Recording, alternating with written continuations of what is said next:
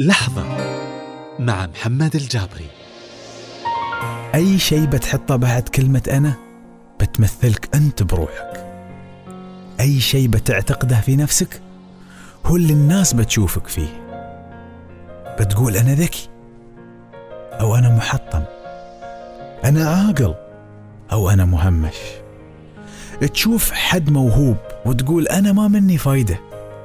تشوف التطورات اللي حولك وتقول أخ أنا كبرت.